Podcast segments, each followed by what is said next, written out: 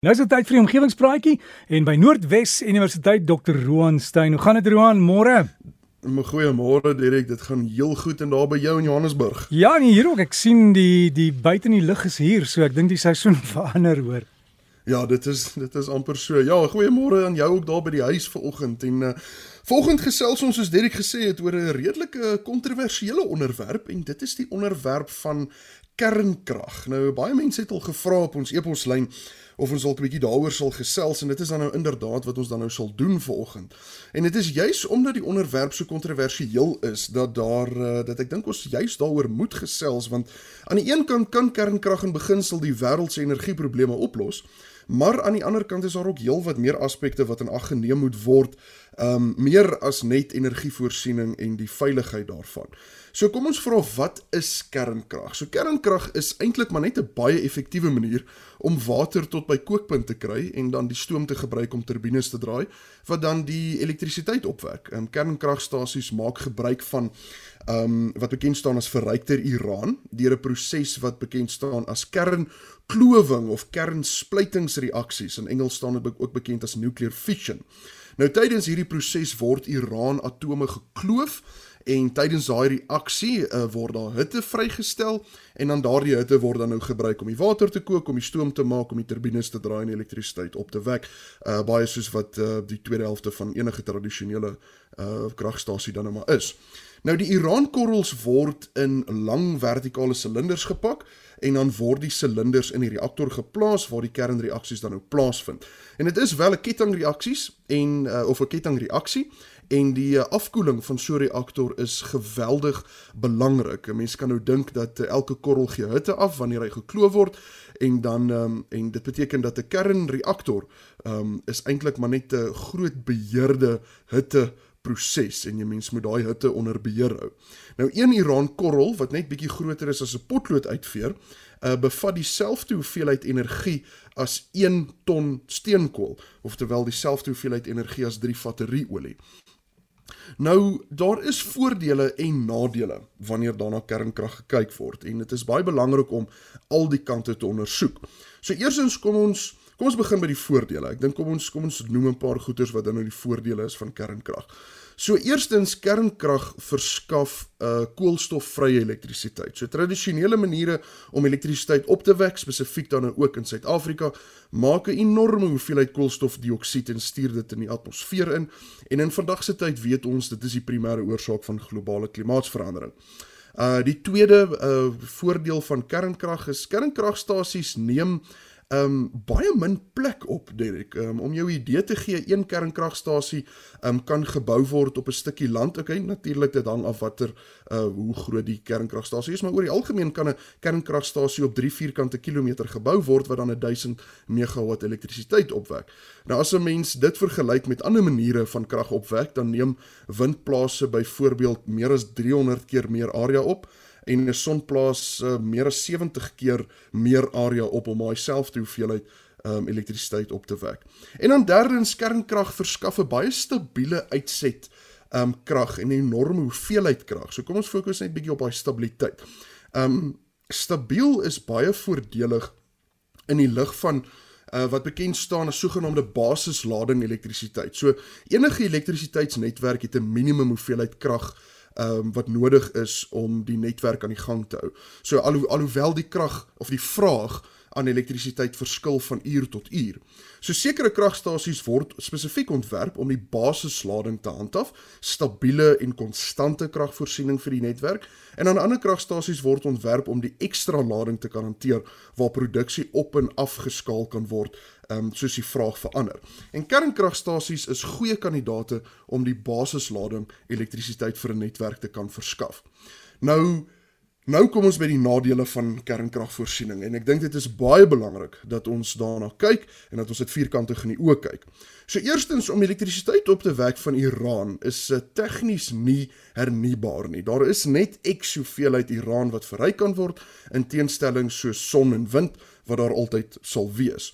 En natuurlik gebeur dieselfde goeters die oomblik wanneer uh, dit nou weer moeilik raak om Iran in die hande te kry, dan lei dit tot geweldige stygings in prys van Iran en verdere negatiewe gevolge vir die omgewing as gevolg van um, mynaktiwiteite.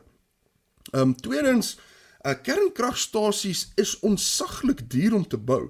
Uh die operasionele kostes van 'n kernkragstasie is dalk nie so baie nie, maar om die stasie in die eerste plek te bou is heelwat duurder as ander stasies. Ehm um, die veiligheidsmaatreëls wat natuurlik inderdaad in plek gebou moet word, is heeltemal anders as ander kragstasies en dis heelwat duurder.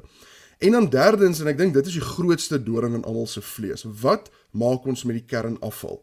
Kernafval is radioaktief. Dit is nou daai uh, dit is nou daai uh, Iran korrels wat nou uh, na 5 jaar vervang moet word. Hulle is radioaktief en dis bestraal hulle die omgewing um vir so lank as wat dit daar is. Um nou sekere halfleeftye is der duisende jare en ander is natuurlik minder soos byvoorbeeld 15 of 30 jaar, maar dit bly natuurlik 'n groot probleem want die vraag is waar stoor jy die kernafval waar dit die minste skade gaan aanrig. Um nou net so vinnige kantlyn feit Derrick, uh, baie mense wonder uh, waarom kan ons nie net die kernafval uh, uh, in die ruimte inskiet nie of soos byvoorbeeld um uh dit na die son toe skiet dat dit in die son vasbots. Nou ongelukkig is daar twee probleme daarmee. Eerstens, as daardie vuurpyl nie suksesvol gelanseer word nie, dan sit mens met 'n enorm pro probleem van kernafval wat nou die hele wêreld ingeskiet is. En uh, dit is 'n baie groot risiko en een waarvan die voordele nou ongelukkig net nie swaarder weeg nie. En dan tweedens, ehm um, dit is eintlik baie moeilik om iets na die son toe te stuur en jy het 'n enorme hoeveelheid energie nodig om dit eintlik reg te kry. So dis word kernafval baie goed geseël en begrawe. En tot ons beter maniere het, is dit maar wat gaan aanhou gebeur. En dan die groot ding wat ek dink baie mense geregtelik bang maak vir kernkrag is die feit dat as iets verkeerd gaan, dan is dit ongelukkig katastrofies. Um ek dink miskien die beste voorbeeld, wel miskien nou nie die beste voorbeeld nie, maar net 'n voorbeeld. Um is as mens kyk na die verskil tussen karry en vliegtyg vlieg. Karongelukke gebeur meer, maar is meer oorleefbaar as gevolg van klomp veiligheidsmaatreëls en lugsakke ensovoorts ensovoorts. Vliegongelukke en dit is maar net statisties gebeur heelwat minder. Um en daar word baie geld spandeer om seker te maak dat dit nie gebeur nie. Maar as dit wel gebeur, is vliegongelukke ongelukkig minder oorleefbaar as karongelukke. Um en natuurlik daar is uitsonderings op, op die reël, maar ons kyk nou maar net so gou-gou uh, agter die koevertjie sommetjies. Nou um dit is dieselfde tussen tradisionele kragstasies en kernkragstasies. As daar iets fout gaan en dit gebeur heelwat minder en ons verstaan dit, Um en daar word baie geld spandeer om seker te maak dat die die ontwerp van kernkragstasies is beter en beter en is baie beter as wat dit 30 jaar terug was. Maar as daar iets gebeur, dan is dit groot moeilikheid vir die mense in daardie omgewing, vir die natuur in daardie omgewing en uh, ook nie net vir daai dag nie, maar vir dekades vorentoe. En dan moet mense ook uh, daarom ook besluit of kernkrag die die regte keuse is of die regte opsie is vir 'n sekere land. En dit beteken dat dit is nie net 'n veiligheids- en 'n wetenskaplike vraag nie, maar ook 'n finansiële en 'n politieke vraag. Kernkrag is baie duur om aan die gang te kry en daar is lande wat dit eenvoudig net nie kan bekostig nie. En sal ek durf sê dat ek sluit Suid-Afrika daarbey in? Um, ek weet nie, ek is nie 'n finansiële of 'n pol politieke kenner nie, maar in vergelyking met die hoeveelheid wind, son en spasie wat ons het, is dit dalk 'n baie baie beter opsie om te oorweeg eerder as kernkrag. So ten slotte Derek, ek dink kernkrag is 'n baie ingewikkelde gesprek, juis omdat dit soveel voordele inhou. Um of, of ja, is 'n ingewikkelde gesprek, maar ons voordele inhou, maar as gevolg van die katastrofes in die verlede is mense geregtelik bang om grootskaalse kernkragstasies te bou. En um volgende week um gesels ons verder oor kernkrag en kyk ons bietjie meer na watter waarde dit dalk inhou as 'n noodkragoplossing vir 'n gebied of 'n land. 'n Nuwe navorsing het gewys dat mens kan kernkrag gebruik, um, maar jy het dalk nie 'n massiewe kernkragstasie in jou agterplaas nodig nie. So volgende week gesels ons bietjie daaroor. Dankie Derek. Dankie Roan en as jy 'n goeie, jy weet, klein veilige kragstasietjie daar in jou erf kon hê, sou jy dit lankal gedoen het, né? Nou? Inder, inderdaad, ek dink jy is heeltemal reg. Ek dink baie mense wil hulle eie kragvoorsiening doen.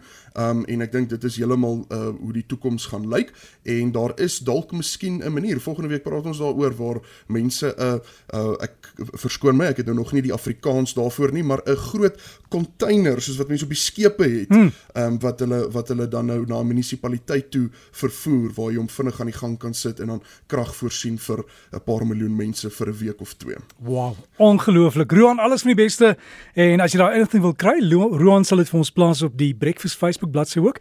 Anders gaan loer net by omgewingspraatjie en dan kan ons die kragprobleem uitsorteer.